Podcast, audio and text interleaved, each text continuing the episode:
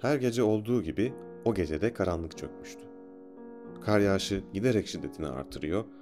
Ben böyle abartı yağarsam çaresiz canlıların hali nice olur diye düşünmezcesine insanın iliklerine kadar üşütüyordu. Mortins'in ailesinin bireyleri sobanın etrafında birbirlerine konuşmadan bakarlarken hepsinin aklında tek bir soru vardı.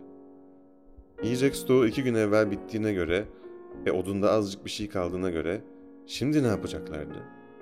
Böyle tesbih gibi dizilmiş halde hem açlıktan hem donarak ölemezlerdi ya.